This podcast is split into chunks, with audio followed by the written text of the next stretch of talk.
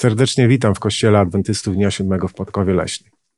Już po raz ósmy w tym kwartale pochylamy się nad Pismem Świętym, tą szczególną, ponadczasową, ponadwymiarową księgą. Dzisiaj naszą uwagę skupimy na Księdze Rodzaju. Zapraszam.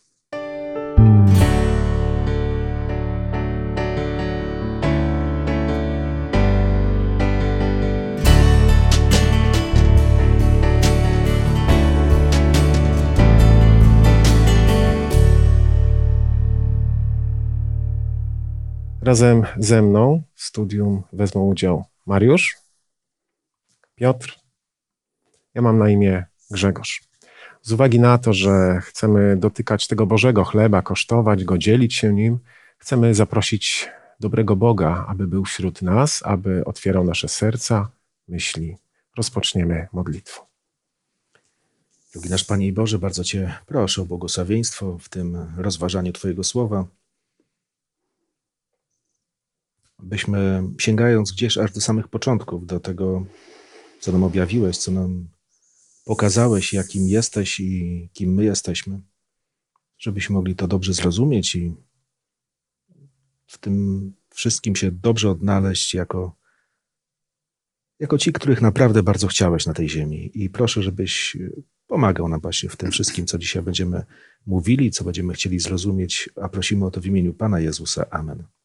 Amen. Dziękuję za Waszą gotowość i chęć e, podjęcia tego trudu, aby porozmawiać na temat, ale wierzę, że wielki, wielka również przyjemność będzie nam towarzyszyła podczas naszej rozmowy, gdy skupimy się na Księdze Rodzaju, pierwszej Księdze Mojżeszowej, bo również tak jest nazywana, czy Księga Genezis po grecku lub Bereshit po hebrajsku. E, jak odbieracie to, co Bóg próbuje przekazać w tej księdze? Pytam o to, ponieważ e, ta księga szczególna, którą mm, możemy nazwać księgę, księgą otwierającą Słowo Boże, e, dla wielu ludzi ta księga stanowi pewien problem. E, są osoby, które twierdzą, że dziesięć pierwszych rozdziałów tak na, naprawdę należy zaliczyć do mitów, ale są ludzie, którzy twierdzą, że ta pierwsza księga, właśnie Księga Rodzaju, to księga, która zawiera fundamentalne prawdy. Jak w Waszej ocenie należy tę księgę traktować? Dlaczego Wy tak, a nie inaczej do tej księgi podchodzicie? Jeżeli mówimy o, piśm, o Piśmie Świętym, czyli o księdze, która ma złożona jest z kilkudziesięciu ksiąg, to ta, która jest pierwszą, księga początków, księga rodzaju, jest pewnego rodzaju fundamentem ona kładzie podstawy pod wiele bardzo ważnych myśli, które Pan Bóg pragnie człowiekowi przekazać. Porusza wiele bardzo istotnych zagadnień. Przez autorów Pisma Świętego, przez Pana Jezusa, gdy był tutaj na ziemi, ta księga była traktowana jako ta, która mówi o początkach, ta, do której autorytetu odwoływał się niejednokrotnie w swoich wypowiedziach. Bo rzeczywiście w tej księdze znajdziemy wiele niezwykle istotnych zagadnień dotyczących właśnie takich pytań: skąd, dlaczego, po co, skąd wzięliśmy się na tej ziemi, jak to się stało, że zaistniało zło. I odcinając całość czy jakikolwiek fragment tej księgi, starając się zdyskredytować, człowiek czyni sobie wielką krzywdę i popełnia błąd, ponieważ traci źródło wiarygodnych informacji. Mhm.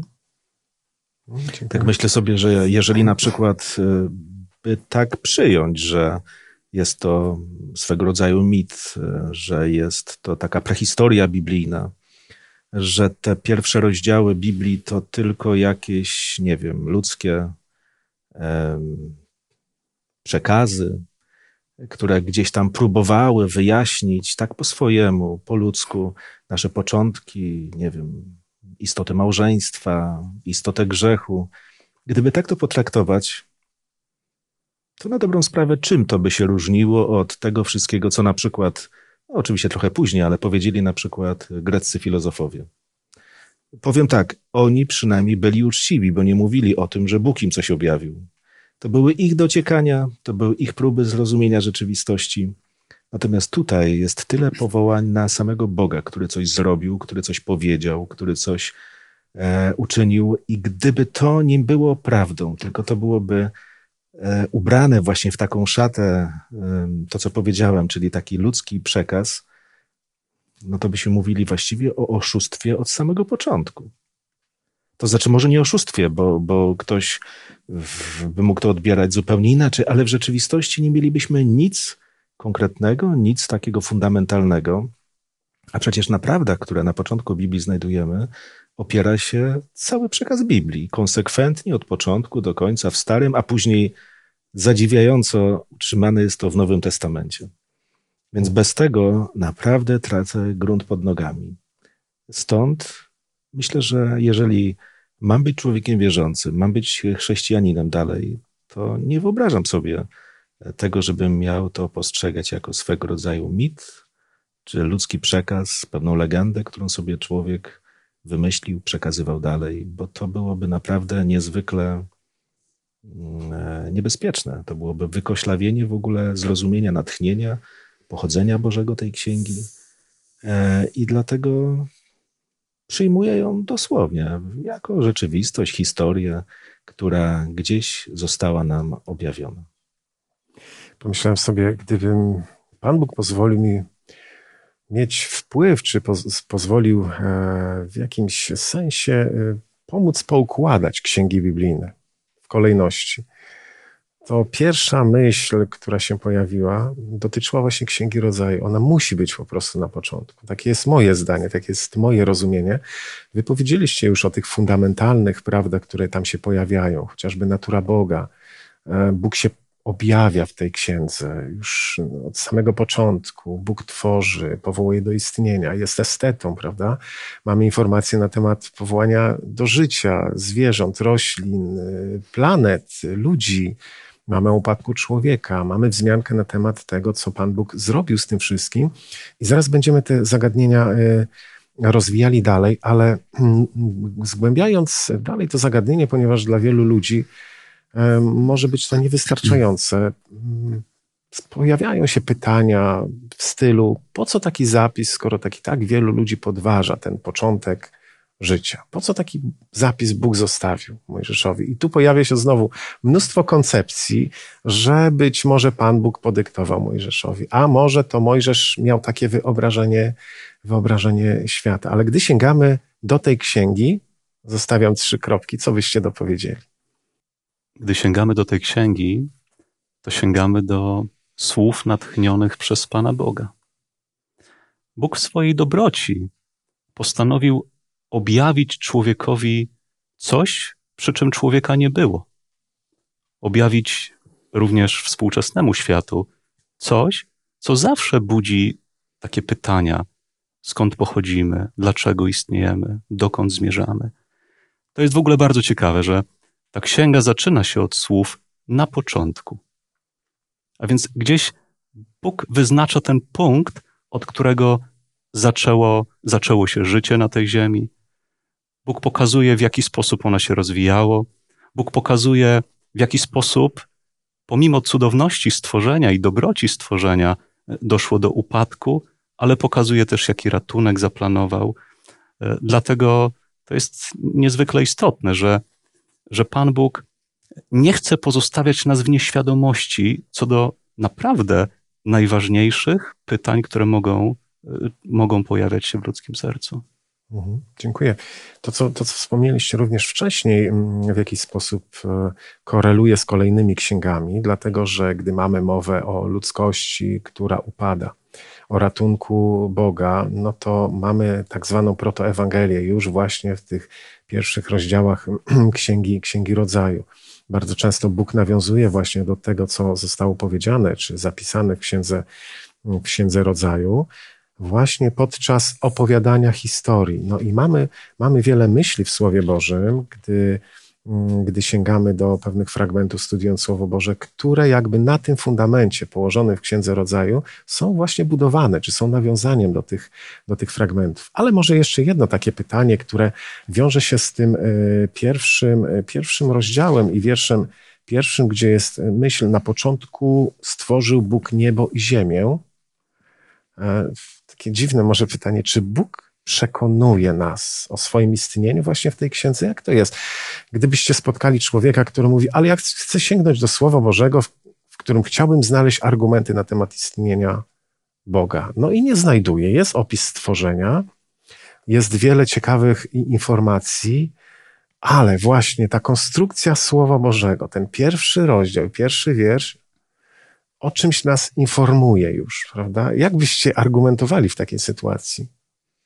Myślę, że zamiarem takim e, pierwszym zamiarem wcale nie było przekonywanie o tym, że Bóg istnieje. Myślę, że taka era wielkiego powątpiewania, stawiania znaków zapytania przy tak fundamentalnych sprawach, jak czy istnieje Bóg, e, tak na dobrą sprawę jest to, można powiedzieć, na masową skalę w naszych czasach, może trochę wcześniej. Ale przez całe wieki ludzie w to nie wątpili. E, znaczy, oczywiście istniało coś takiego jak ateizm, ale to był margines.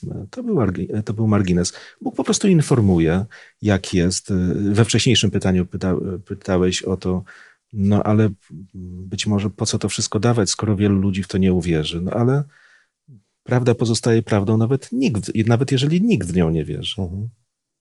A więc Bóg ją po prostu przedstawia mówi jak jest, kim on jest, że jest y, istotą, która to wszystko, co jest, stworzyła.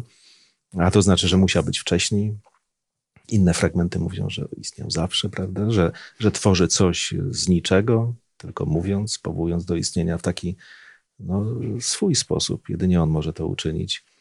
A więc on y, nie podejmuje trudu pisania, znaczy zachęcania do spisania tych wszystkich wydarzeń po to, żeby mieć argument z ludźmi, którzy nie wierzą w istnienie Pana Boga. To jest spisanie historii. Mhm. Na początku. To są dzieje początków. I o to chodzi. Mhm. Taka była intencja, jak to rozumiem. I Biblia zakłada istnienie Boga. Od razu, prawda? Na początku Bóg stworzył, On już istnieje, On tworzy, powołuje, powołuje do życia. Gdy mówimy o tych nawiązaniach, o tej korelacji, e, Chciałbym, żebyśmy przeczytali fragment pochodzący z listu do Hebrajczyków, z pierwszego rozdziału. Piotrze, mógłbym Ciebie poprosić? Pierwszy rozdział listu do Hebrajczyków i dwa pierwsze wiersze. Wielokrotnie i wieloma sposobami przemawiał Bóg dawnymi czasy do ojców przez proroków. Ostatnio u kresu tych dni przemówił do nas przez Syna, którego ustanowił dziedzicem wszech rzeczy, przez którego także wszechświat stworzył. Mhm, bardzo dziękuję. I znowu mamy ten fundament, który jest położony w Księdze Rodzaju, o, których, o którym mówiliśmy. No i mamy pewne fragmenty Słowa Bożego. To jest wybrany tekst Pisma Świętego. Takich tekstów jest bardzo dużo, które nawiązują właśnie do tych e, fundamentów. Ale wielu ludzi również sięgając do Księgi, Księgi Rodzaju mówi o okresie stwarzania, że niekoniecznie mogły być to dni, a długie okresy czasu. Być może słyszeliście, z pewnością słyszeliście o tak zwanej teorii konkordyzmu, zakładającej, że trwało to miliardy lat, prawda? Czy Bóg miał potrzebę, aby przez tak długi okres czasu tworzyć? Jak długo Bóg stwarzał świat? Czytacie Księgę Rodzaju, co tam jest napisane? Jak długo to trwało? Kiedy czytamy pierwszy rozdział tej, księ tej księgi, pierwszej księgi Biblii, jak refren po, pojawia się po każdym dniu stworzenia takie podsumowanie. Minął wieczór, minął poranek, nastał wieczór, nastał poranek, dzień pierwszy, dzień drugi, dzień trzeci. Wszechmogący Bóg, Stworzyciel, mógłby w mgnieniu oka stworzyć to wszystko, co stworzył w ciągu siedmiu dni. Czas nie był dla niego żadnym ograniczeniem, żadną barierą. Ale Pan Bóg postanowił, że właśnie w taki sposób będzie stwarzał po kolei wszystkie elementy dzieła stworzenia, że właśnie umieści w takim czasie 24-godzinnych dni, które znamy dzisiaj, które są pochodną tamtych wydarzeń, które są pochodną stworzenia. Zresztą nawet używane tutaj w tym pierwszym rozdziale Biblii słowo, które jest tłumaczone jako dzień, to słowo jom, ewidentnie jego znaczenie kieruje naszą uwagę na, na dobę, mhm. na dzień, jaki, jak, jaki znamy. To jest o tyle istotne, że tydzień stworzenia był rzeczywistym tygodniem, że również jedno z przykazań Bożych dotyczące świętości sobotniego dnia tak naprawdę w swojej motywacji, dlaczego Bóg chce, aby człowiek święcił dzień sobotni jako pamiątkę stworzenia, właśnie nawiązuje, nawiązuje do, do tego tygodnia stworzenia. Mhm. I nawet w samej treści przykazania Bóg mówi: Święć dzień sobotni, pamiętaj. Dlaczego? Bo w sześciu dniach uczynił Pan niebo i ziemię, a siódmego dnia odpoczął.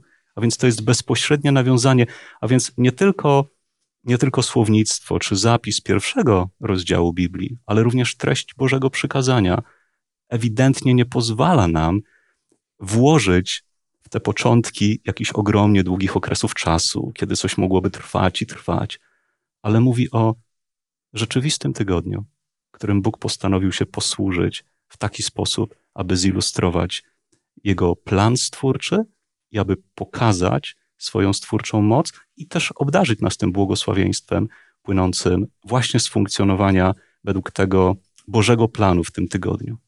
Zresztą ustanowienie tygodnia przez Pana Boga, prawda, jako pamiątkę stworzenia, gdzie w przykazaniu jest wyraźnie wzmianka o tym, że tak jak Pan Bóg tworzył świat sześć dni, tak Ty pracuj sześć dni, ale siódmego odpocznij. Mamy pewne myśli również w Słowie Bożym. Psalm 90, pozwolę sobie wywołać wiersz y, czwarty chociażby, gdzie jest y, myśl dotycząca tego, że dla Pana Boga tysiąc lat jest jak jeden dzień i on nie jest ograniczony tak jak, tak jak my ani czasem, ani materią. Bóg jest we wszelkich wymiarach. On, on mógł ten świat nasz powołać do istnienia w ciągu jednego dnia, ale to również miało pewne znaczenie. Pozwolę sobie tutaj e, przytoczyć e, dwa cytaty. Pierwszy e, księdza Stanisława Stysia. E, Wyraz hebrajski jom, to jakby potwierdzenie tego, o czym Piotrze powiedziałeś, w liczbie pojedynczej oznacza dzień naturalny albo dobę, lub wreszcie może oznaczać czas, co jednak dzieje się tylko w przysłówkowych określeniach, takich jak w dniu, na przykład w dniu zbawienia, czy też w czasie zbawienia, ale nigdy wyraz jom w liczbie pojedynczej nie jest użyty w Piśmie Świętym na oznaczenie długiego okresu, jak chce teoria konkordyzmu. Innymi słowy, tam pojawiają się jeszcze liczebniki, bo to jest pierwszy dzień, drugi, co również rodzi pewien problem. I jeszcze jeden fragment, jest to mm, fragment listu Jamesa Bara, biblisty, człowieka, który zna doskonale y, język hebrajski. Prawdopodobnie, na ile wiem, nie ma profesora języka hebrajskiego lub Starego Testamentu w jakimś światowej klasy uniwersytecie, który wierzy w argumenty apologetyczne, które zakładają, że dni stworzenia są długimi okresami czasu, że liczby lat nie mają charakteru chronologicznego i że po to był tylko lokalną mezopotamską powodzią. Nie są brane poważnie przez jakiegokolwiek takiego profesora. To jedynie pewne dodatkowe y, myśli czy, czy cytaty, które jakby potwierdzają, bo sądzę, że naprawdę trzeba się napracować, aby podważyć to, w jaki sposób to jest przedstawione w księdze, w księdze rodzaju. Ale przechodząc dalej, ponieważ y, ten pierwszy, drugi, trzeci rozdział Księgi, Księgi Rodzaju są również skupiskiem pewnych innych fundamentalnych zagadnień, o których warto, y, warto powiedzieć. Czy w opisie stworzenia pojawiają się jakieś nawiązania do prawa Bożego? Już to powiedzieliśmy. E, Jest tam jeden taki szczególny dzień. Co byście o tym powiedzieli? O tym szczególnym dniu. Bóg przynajmniej trzy rzeczy w tym dniu zrobił. Kiedy spoglądamy do drugiego rozdziału księgi Genezis, czytamy tam tak. Ukończył Bóg w siódmym dniu dzieło swoje, które uczynił, i odpoczął dnia siódmego od wszelkiego dzieła, które uczynił. I pobłogosławił Bóg dzień siódmy i poświęcił go, bo w nim odpoczął od wszelkiego dzieła swego, którego Bóg dokonał w stworzeniu. Mhm, mhm. Pan Bóg stwarzając przez sześć dni, zapełniając ten świat stworzeniami, czytamy, że siódmego dnia zaprzestał pracy. Siódmego dnia odpoczął. Ale w pewien szczególny sposób wyróżnił również ten siódmy dzień tygodnia, ponieważ złożył na ten dzień szczególne błogosławieństwo, coś wyjątkowego. Każdy dzień jest błogosławieństwem od Pana Boga i darem, ale każdy, kto spróbował w swoim życiu doświadczyć prawdziwości tego, że gdy przestrzegamy Bożego przykazania, korzystając z tego odpoczynku dnia sobotniego, poświęcając ten dzień naprawdę dla Pana Boga, każdy, kto tego doświadczył, wie, jak wyjątkowy, jak niezwykły, jak niecodzienny jest to czas, jakiego fizycznego i duchowego odpoczynku można zaznać, ale także wzmocnienia. I naprawdę to słowo błogosławieństwo, szczęście opisuje dosłownie to, co człowiek może przeżywać, korzystając z tego daru Bożego. Czytamy, że Bóg również poświęcił ten dzień, a więc przeznaczył inaczej niż każdy inny dzień. Tak jak już Mhm. wspominałeś, Bóg mówi: pracuj sześć dni. To jest część przykazania. Wykonuj wszelkie prace, ale poświęć siódmy dzień tygodnia, sobotę. Poświęć szczególnie dla mnie, a doświadczysz i tego odpoczynku, i tego błogosławieństwa, i tej świętości, tego wyjątkowego spotkania z Bogiem, Stwórcą, Zbawicielem. Mhm. Mhm. Dziękuję. Mija kilka tysięcy lat. E, Ewangelista Marek zanotował słowa Pana Jezusa i Mariuszu, jeśli Ciebie mógłbym poprosić, Ewangelia Świętego Marka, drugi rozdział i wiersz e, 27. I Pan Jezus, Syn Bóg, podkreśla, nawiązując właśnie do tego, co się stało e, na początku mm, jest zapisane w Księdze Rodzaju, i Chrystus Pan mówi, jak ważny jest to dzień. Po co jest ten dzień? Czytamy tutaj w tej Ewangelii, że sabat został ustanowiony dla człowieka, a nie człowiek dla sabatu. I w związku z tym rodzi się takie pytanie, mm, co to znaczy, że Bóg ustanowił sabat, sobotę, dzień święty dla człowieka? Piotrze, już częściowo powiedziałeś, odpowiedziałeś na to pytanie, ale gdybyśmy mogli tak troszkę rozszerzyć jeszcze głębiej, czego Bóg oczekuje w tym, w tym dniu? Co to znaczy to ustanowienie dla człowieka, szczególnie właśnie tego dnia? Mi się wydaje, że w tym wszystkim bardzo ważne jest e, to, co się nazywa Bożą intencją. To nie jest tak, że znajdujemy na początku Biblii opis e, powstania świata, a później e, jest pierwsza wzmianka o tym, że jest jakiś dzień święty. No, my z perspektywy całej Biblii moglibyśmy mówić o tym, jakie to ważne, jak ludzie to łamali, jak ludzie to wykoślawiali.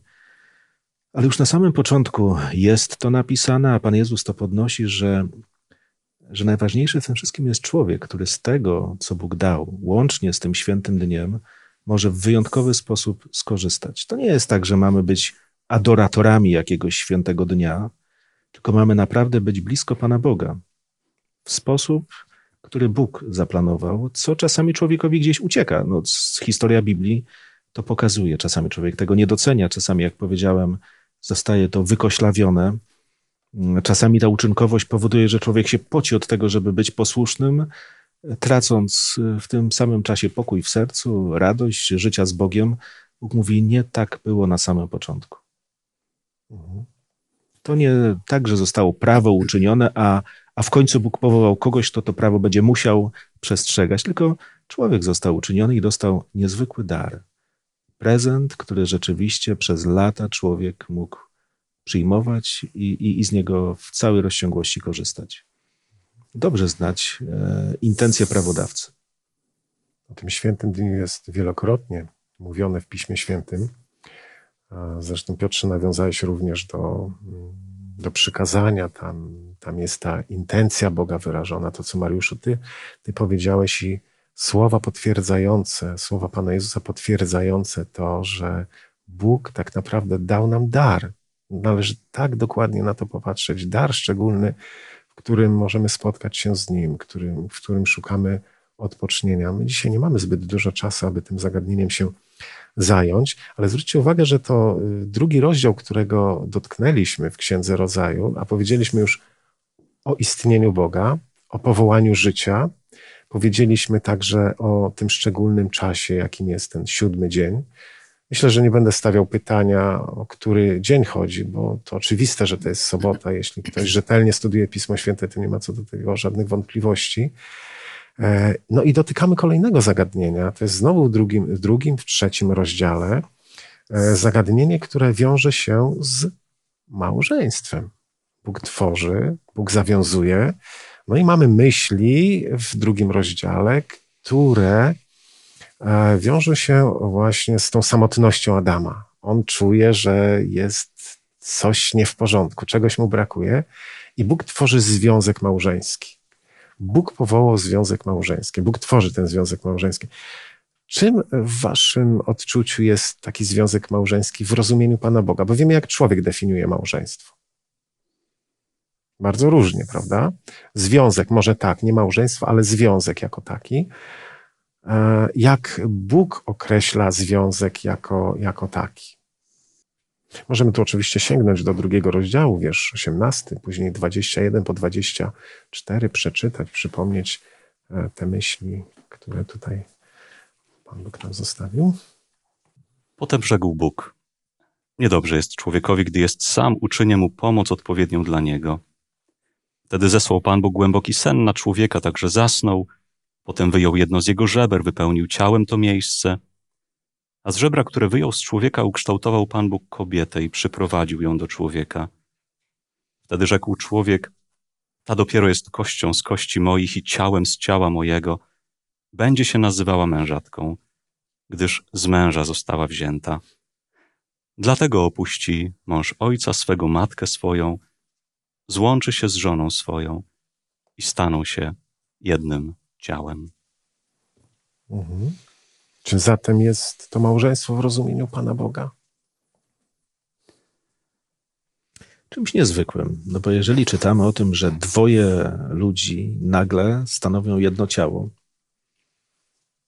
jeżeli czytamy, jest taki zwrot, ta jest kością z mojej kości, ciałem z mego ciała, no to jest taki zwrot hebrajski, który mówi właśnie o niezwykłym związku. Mówiło się o związku rodzinnym, prawda? Kiedy mu dotyczyło to dzieci, wnuków, dziadków, rodziców. To, to była ta sama krew. To, to, to, było, to było właśnie to. Ale kiedy patrzy na związek małżeński, to Bóg mówi, no to jest na tyle niezwykły związek, że żeby on w pełni zaistniał, to trzeba wręcz opuścić ojca i matkę. To jest taki związek między mężczyzną i kobietą. Biblia mówi jednym mężczyzną i jedną kobietą. A więc jak tak dochodzimy do szczegółów, to mówimy sobie coś odrębnego zupełnie, coś takiego samodzielnego w istnieniu. Taki jest zamiar Pana Boga, gdy chodzi o małżeństwo. Nie wspomniałem oczywiście o miłości, o relacjach, o, o przeznaczeniu małżeństwa, prawda? Bo tutaj przecież mamy nakaz e, napełniania ziemią, a więc kwestia rozmnażania się, posiadania dzieci, tworzenia rodziny. Mm, ale zaczyna się wszystko od jednego mężczyzny e, i jednej kobiety, z których to Bóg tworzy związek, który nie ma czegoś podobnego na ziemi. Niezwykły. Mhm. Różnorodność, a zarazem jedno ciało, prawda? Z drugiej strony, to co też Mariuszu powiedziałeś, gdy Bóg mówił, czyńmy człowieka na nasz obraz, tak? Ta duchowa więź, w jakimś sensie upodabniamy się do Pana Boga, korzystając z tego, z tego e, dobrodziejstwa związku, który Bóg powołał do istnienia. Proszę jeszcze. Właściwie nie sposób nie mieć pewnej smutnej refleksji e, po tym, co powiedzieliśmy do tej pory. E, dlatego, że zobaczmy, iż w każdym elemencie poruszanym przez nas czy to jeżeli chodzi o stworzenie, czy dosłowność tygodnia stworzenia, czy świętość tego siódmego, sobotniego dnia, czy kwestia małżeństwa. Dzisiaj rozumienie, bardzo powszechne rozumienie w każdym z tych elementów odbiega od biblijnego standardu. W każdym z tych elementów. Dla większości ludzi to nie tylko nie jest oczywiste, to nawet wydaje się po prostu nieprawdziwe, że na początku Bóg stworzył. Nie traktują poważnie tego czasu stworzenia. Sobota jest bardzo powszechnie zapomnianym świętem, które przecież gdyby było powszechnie uznane i święcone tak, jak Bóg pragnie, więc przeznaczone na, na tą wspaniałą relację z Bogiem, z bliskimi, to absolutnie e, zapewniało, ten czas dawałby poczucie większego pokoju, szczęścia, zadowolenia. Nawet gdy teraz sięgamy do pierwszego małżeństwa, które Pan Bóg powołał, Adama i Ewy, to czy to nie jest w pewien sposób smutne, że musimy, mówiąc o małżeństwie, przypominać, że małżeństwo to jeden mężczyzna i jedna kobieta. Mhm. Mimo, że obecnie w świecie małżeństwo definiowane jest bardzo różnie. Właściwie w każdym z poruszanych przez nas, przez nas elementów gdzieś jakby Bóg chciał zwrócić naszą uwagę. To jest wzór, to jest dobre, to jest święte. Tego się trzymajcie. I to jest właśnie istota, zobaczcie, bo kiedy mówimy o pierwszym małżeństwie, ale małżeństw było bardzo wiele. No, w czasach Pana Jezusa na przykład e, istniały rodziny i byli ludzie, którzy na przykład zadawali Panu Jezusowi pytanie, a jak to jest z listem rozwodowym? Istniało coś takiego. Ludzie mogli się rozwieść. Ja nie chcę teraz tego tematu drążyć, ale wiem tylko tyle, że Pan Jezus, jakby wprowadzając wyjaśnienie tego wszystkiego, powiedział, ale na początku tak nie było. Odnosi się do początku. Jakiego początku? Kiedy dalej używa takich słów, dlatego opuści e, mąż ojca swego, matkę swoją, złączy się z żoną swoją, będą jednym ciałem. My wiemy, do jakiego początku nawiązuje, a więc dla Pana Jezusa nie było problematyczne ani kłopotliwe wyjaśnienie, jak rozumie istotę małżeństwa i do czego nawiązuje, nawet rozstrzygając trudne, no, krytyczne e, wydarzenia w życiu małżeństw, jakim na przykład jest rozwód, bo, bo, bo jak najbardziej coś takiego jest.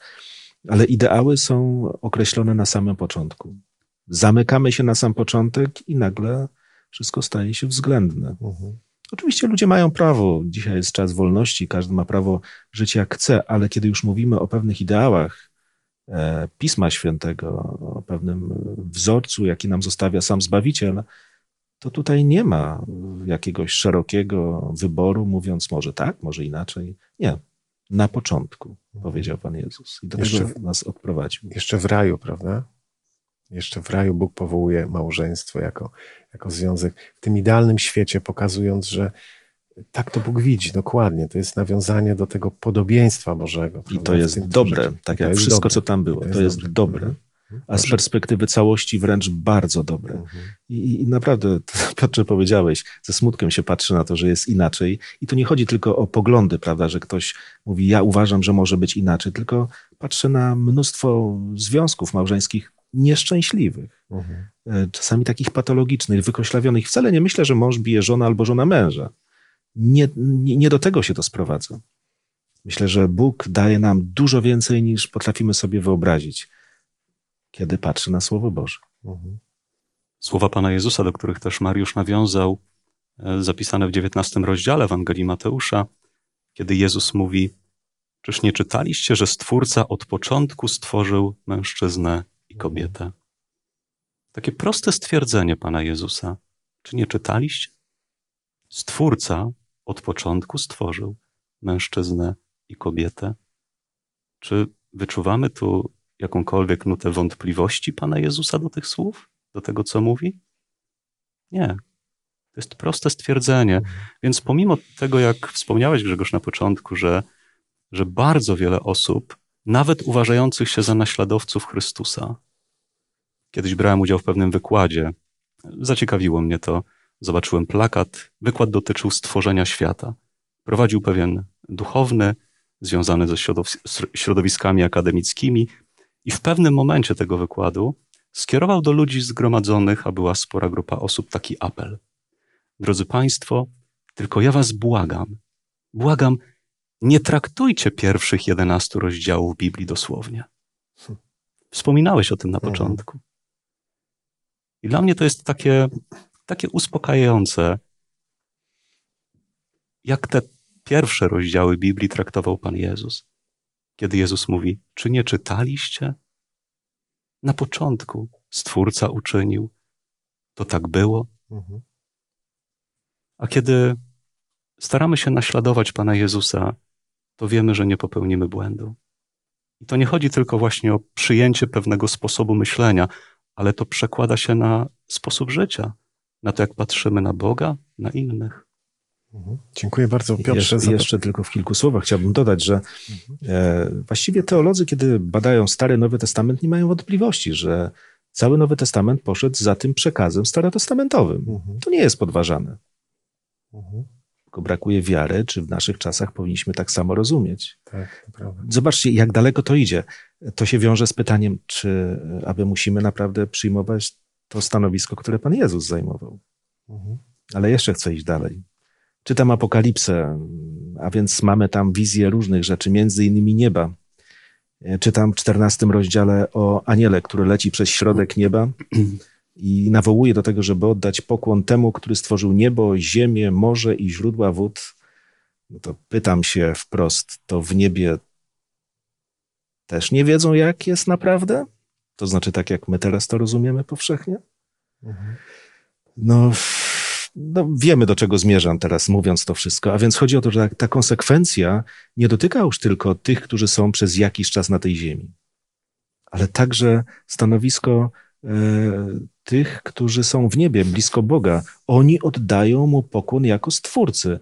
I czytając te słowa, też odniesienie mamy wyraźne do czwartego przykazania, które też mówi: sześć dni będziesz pracował, mhm. siódmego dnia odpoczniesz, bo nie będę się powtarzał. Mhm. Tak. Więc kwestia e, tego, co mówi Pismo Święte, jest jednoznaczna. Pytanie, czy wiąże się z tym wiara w to, co tam jest? otóż niestety nie. Mhm. Przyszedł czas, kiedy zaczęto podważać wszystko. Autorstwo Mojżesza i te wszystkie rzeczy, o których już mówiliśmy. Mhm. Natomiast Pan Jezus jest tutaj dla mnie, zresztą nie tylko dla mnie, jak tutaj słyszę, rozmawiamy w podobnym tonie, e, takim wzorem, bezpiecznym wzorem. Bo jeżeli nie on, to kto?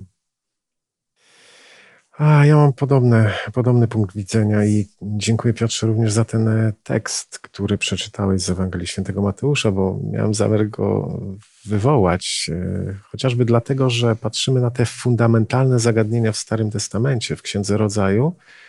E, jak zwróciliście uwagę, już drugi fragment, który jest zapisem słów Jezusa i nawiązuje właśnie do tych fundamentów. To jest kolejna cegła, którą syn, Bóg kładzie właśnie na tych fundamentalnych e, naukach, czyli sobota, no i teraz e, małżeństwo, które jest e, tworem Bożym, który jest darem od Pana Boga i którym powinniśmy się cieszyć i korzystać z tego tak, jak to Bóg ustanowił. Ale pojawiają się takie trzy słowa, które również w kontekście Księgi Rodzaju Mm, słychać, gdy czytamy trzy pierwsze rozdziały. One brzmią niestety tak smutną nutą. Stworzenie, upadek, krzyż. Bo i to możemy zauważyć. W trzecim rozdziale jest wzmianka o tym, jak ludzie upadają tym doskonałym świecie. Być może to pytanie banalnie zabrzmi, ale jak to możliwe, że w doskonałym świecie taka rzecz się stała? I ja to pytanie pozwolę sobie e, rozszerzyć o tak zwaną wolną wolę. Czy to był dobry pomysł, że Pan Bóg obdarzył człowieka wolną wolą? No nie wiem, czy mamy teraz e, czas, żeby ten temat poruszyć.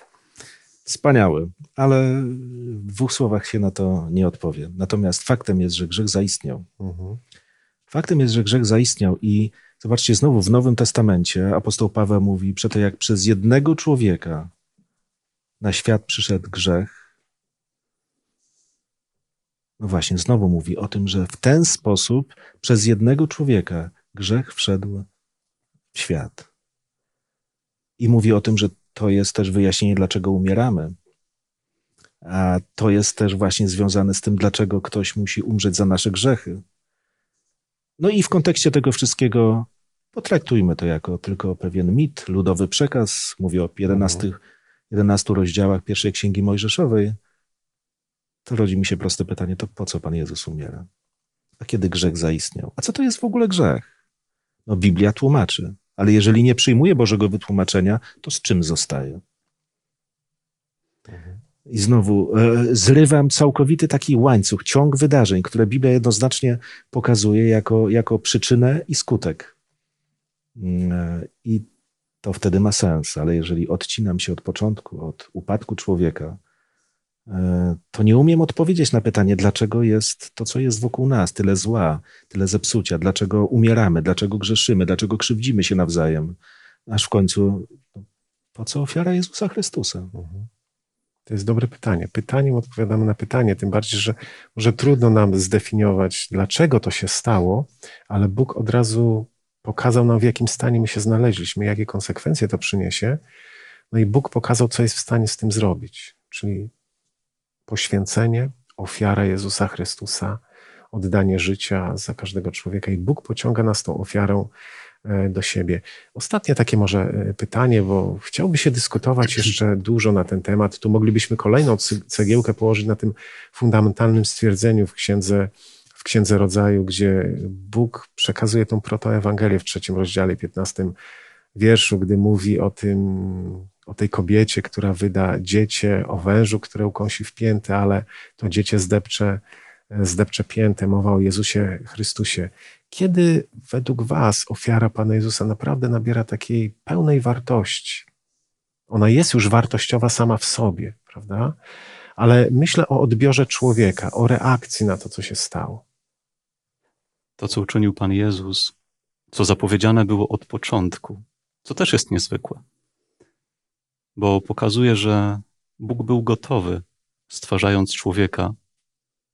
Wiedział, że człowiek niewłaściwie wykorzysta tą wolność wybierania, decydowania, a jednak zdecydował się, co jest też świadectwem Bożej miłości, powołać do życia człowieka. Zapewnił człowiekowi tylko dobro, przekonując go we wszelki możliwy sposób, że dobro jedyne jest wystarczające do szczęścia. Oczywiście ten upadły anioł, szatan, okłamując Ewę, zachęcił ją również do tego, żeby poszła drogą zła. I stąd mamy grzech, stąd mamy tragedię. Myślę, że słowa apostoła Pawła z szóstego rozdziału do Rzymian, też werset 23 są bardzo cenne w tym kontekście, kiedy czytamy zapłatą za grzech jest mhm. śmierć. Mhm. Zapłatą za grzech jest śmierć. I gdyby apostoł Paweł w tym momencie zakończył, to byłaby tragiczna wiadomość. Ale kolejne słowa brzmią: Lecz darem Bożej łaski jest życie wieczne w Chrystusie Jezusie. I tak jak ta zapłata za, za grzech, czyli śmierć, jest tą, która wisi nad każdym człowiekiem. Tak ten dar Bożej łaski jest też darem, który Bóg wyciąga do każdego człowieka. Ale znów tutaj potrzeba naszej decyzji. Mhm. Tutaj potrzeba odpowiedzieć otwartym sercem na to pragnienie Boga, żeby nas uratować. Na to pragnienie Boga, żeby żeby nas pojednać z sobą. Chrystus oddał swoje życie za świat, za wszystkich ludzi, bo w tym słowie jest każdy z nas, w tym słowie świat. Ale też od naszych otwartych serc zależy, czy, czy Jego ofiara będzie jedynie czymś, o czym kiedyś słyszeliśmy, może ktoś wspominał, może nawet czytaliśmy. Faktem historycznym. Faktem historycznym. Czy też dobrodziejstwa, skutki tej ofiary. Prawdziwy pokój płynący z pojednania z Bogiem, przemiana serca, podniesienie z upadku i zmiana życia będą udziałem człowieka, do czego Bóg tak bardzo i z wielką tęsknotą każdego zachęca. I w końcu życie wieczne z Bogiem. I tak właściwie jest w Biblii. Zobaczcie, mamy na początku świat, który Bóg stwarza, i ostatnie fragmenty Biblii pokazują na nowo świat, który Bóg stwarza. Czyli to, co utraciliśmy, zostaje przywrócone. Jeżeli początek nie jest prawdziwy, mhm. To może i koniec nie jest prawdziwy. Może to też tylko mrzonka, może to też tylko jakiś, jakaś legenda ludzka, ludzkie przekonania, marzenia, wyobrażenia o przyszłości. Powiem Wam, że gdy tak myślę, gdybym tak zakładał, że jest, to nie ma żadnej nadziei na coś więcej niż tych ileś lat na tej ziemi. Bo mnie tak na dobrą sprawę nie interesują. Mnie interesują oczywiście ludzkie przekonania, ale obietnice tak ważnych rzeczach jak życie wieczne to tylko z ust Pana Boga, bo inaczej co może ci człowiek obiecać? E, I dlatego ta rzeczowość, ta dosłowność e, chociażby końca Biblii, no może być przyjęta tylko wtedy, kiedy dosłownie przyjmuje się początek. Mhm. Bóg zbawia nas i jedynie może to zrobić tylko na swoich warunkach. Jako bezgrzeszna istota Bóg Wszechmocny przyjął na siebie ten ciężar, prawda? Pytanie, czy z tego skorzystamy. I wtedy ta ofiara, o, czym powiedzieliście, nabiera takiej pełnej wartości w naszym życiu, bo ona jest wartościowa sama w sobie. I tego należy sobie życzyć na każdy dzień, byśmy takie zwycięstwo w Bogu odnosili. Dziękuję za myśli, którymi się podzieliliście, za wspólną rozmowę. Chcemy podziękować także naszemu dobremu Bogu za to, co uczynił dla nas, za to, jak nas prowadzi i za to, żeby nasze życie zawsze było otwartą drogą, na której będzie miejsce dla Pana Jezusa, który chce nas doprowadzić do tego miejsca, które właśnie tam w raju sobie wymarzył już dla Adama i Ewy i wierzę, że marzy o takim miejscu dla każdego z nas. Pomódlmy się. Ukochany Panie Boże, pragniemy Ci bardzo podziękować, że w tych pierwszych rozdziałach Pisma Świętego opowiedziałeś nam o początkach, o tym, jak było naprawdę, o tym, jak Ty tam byłeś, jak stwarzałeś, o pierwszej parze ludzkiej, niestety też o upadku, ale i o Twoim ratunku. Panie Boże, wierzymy Tobie. Wiemy, że tak było. Jesteś prawdomównym Bogiem. I dziękujemy Tobie, że budujesz naszą wiarę, zaufanie do Ciebie. Dziękujemy Ci również za ten dar zbawienia, za Twoją ogromną miłość, która dzisiaj dociera do ludzkich serc, która dzisiaj budzi sumienia i zwraca ludzkie serca ku, ku Tobie. Boże, pobłogosław, aby ta prawda o Tobie, aby prawda Ewangelii, aby dar zbawienia mógł dotykać każdego tęskniącego i pragnącego serca. I dziękujemy Ci za Twoje żywe słowo i za to, że po prostu jesteś. Na początku Bóg. Bądź też na tym pierwszym miejscu w życiu nas wszystkich, o co prosimy przez imię Pana Jezusa. Amen. Amen. Amen. Drodzy widzowie, dziękujemy za Wasz udział, za Waszą chęć zgłębiania Słowa Bożego, za gotowość i otwarcie. Wierzymy na Boże prowadzenie. Pozwolę sobie zakończyć fragmentem z księgi Izajasza. Jestem przekonany, że ten fragment można odbierać jako swego rodzaju zapewnienie, ale również błogosławieństwo Boże. Szukajcie Pana, póki pozwala się znaleźć. Wzywajcie Go, dopóki jest blisko. Niech bezbożny porzuci swą drogę, a przestępca swoje zamiary. I niech nawróci się do Pana, aby się nad nim zlitował. Do naszego Boga, gdyż jest hojny w przebaczaniu. Bo moje myśli to nie myśli wasze, a wasze drogi to nie drogi moje, oświadcza Pan. To jest 55 rozdział Księgi Izajasza, wiersze od 6 po 8. Niech takie błogosławieństwo Wam towarzyszy i już w tej chwili zapraszamy na kolejne nasze studium pod tytułem Stworzenie, Księga Rodzaju jako fundament, część druga. Do zobaczenia.